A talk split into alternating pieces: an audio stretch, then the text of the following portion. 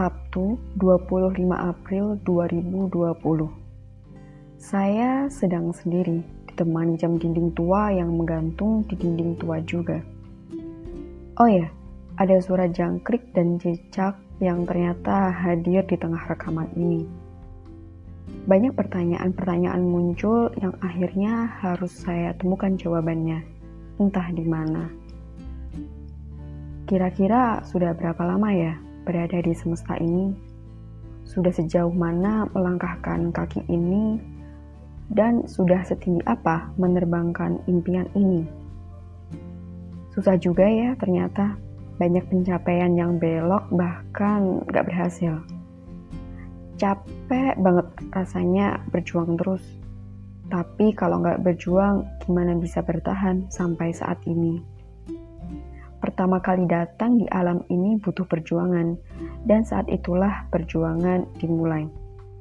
Perjuangan dan manusia seakan tak bisa dilepas begitu saja. Bayangin deh, kalau ada manusia yang gak mau berjuang akan seperti apa hidupnya. Hmm, saya gak mau membayangkan dan tidak tahu akan seperti apa.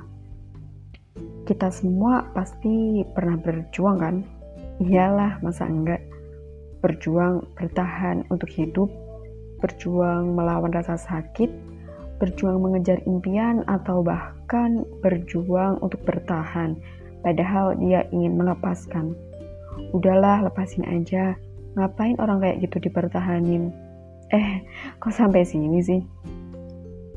Tapi pernah nggak pas berjuang ngerasa berada di titik paling dalam, sedalam samudra Atlantik terus kecebur di segitiga Bermuda muter-muter di dalam eh dikepung sama tentara piranha yang dipimpin Jenderal Megalodon. Ayo berenang terus melawan pusaran air. Nah di titik itu nggak jelas banget arahnya. Apa yang harus dilakuin? Capek jenuh dan akhirnya memilih untuk pasrah saya pernah merasakan itu. Capeknya minta ampun, jenuhnya minta maaf. Dan cuma bisa bilang ke diri sendiri, It's okay, kamu akan baik-baik aja. Iya, cuma kata-kata positif yang bisa saya berikan untuk saya sendiri. Karena saya mencintai diri saya dan tidak ingin tersakiti. Cukup, sudah ya. Karena yang tahu saya, ya saya sendiri. Yang tahu kamu, kamu sendiri. Di titik itu, kata-kata hebat dan positif dari seorang motivator pun kadang mental. Masuk di daun telinga aja enggak, langsung diusir tanpa ampun. Nah, berjuang pasti nggak lepas sama yang namanya berharap.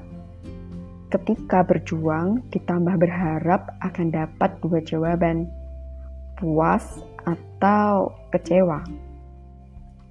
Kalau puas pasti senengnya minta ampun, euforia. Jangan lupa ya bersyukur. Tapi nanti kita akan dihadapkan dengan dua pilihan lagi.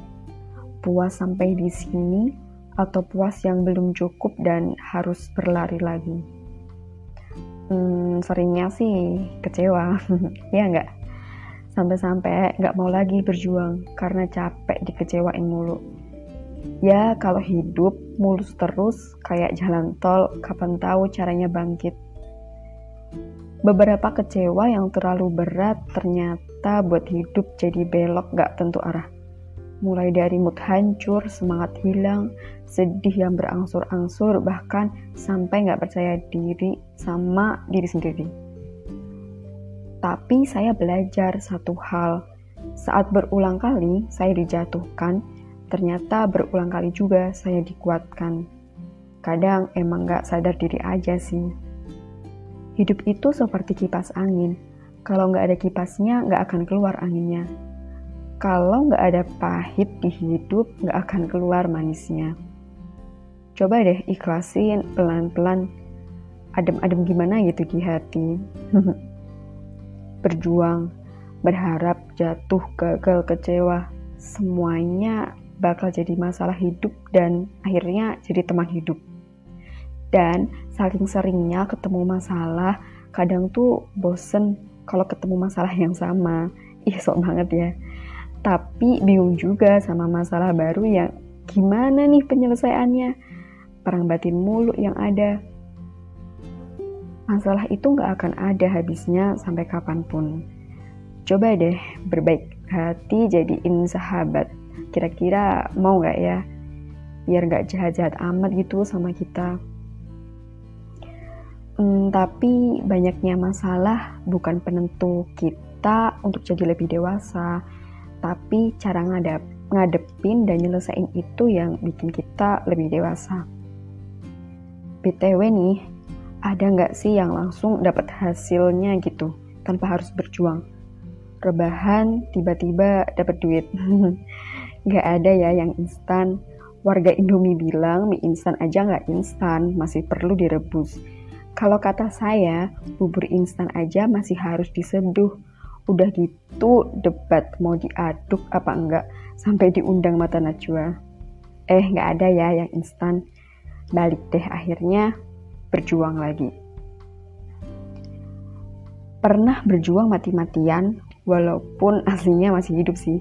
Lalu dapat hasil yang bikin hati potek, jantungnya tuh berdebar-debar kayak kebanyakan morfin, kepala migrain padahal dalam hati tuh yakin banget 100% kalau udah usaha 1000% terus yang orang-orang bilang hasil sesuai usaha gimana? nggak terbukti dong usaha emang faktor untuk berhasil tapi usaha bukan satu-satunya faktor penentu hasil bisa aja ada faktor lain yang kita nggak tahu Mungkin doa yang terulang-ulang, anggota tubuh yang diam-diam melakukan kebaikan, atau barangkali ada yang salah sama niat berjuang kita. Coba deh dicek dulu. Walaupun berjuang gak sebercanda itu, percaya deh, kamu gak berjuang sendirian. Ada yang diam-diam bantu kamu. Bisa jadi itu doa orang tua kamu, saudara, sahabat, teman, orang-orang yang pernah kita bantu, Bahkan bisa jadi doa dari orang yang kita benci atau yang benci kita. Ya siapa tahu kasih doa yang baik kan? Karena berjuang gak cuma soal dunia, tapi ada ilmu langit yang harus dikejar.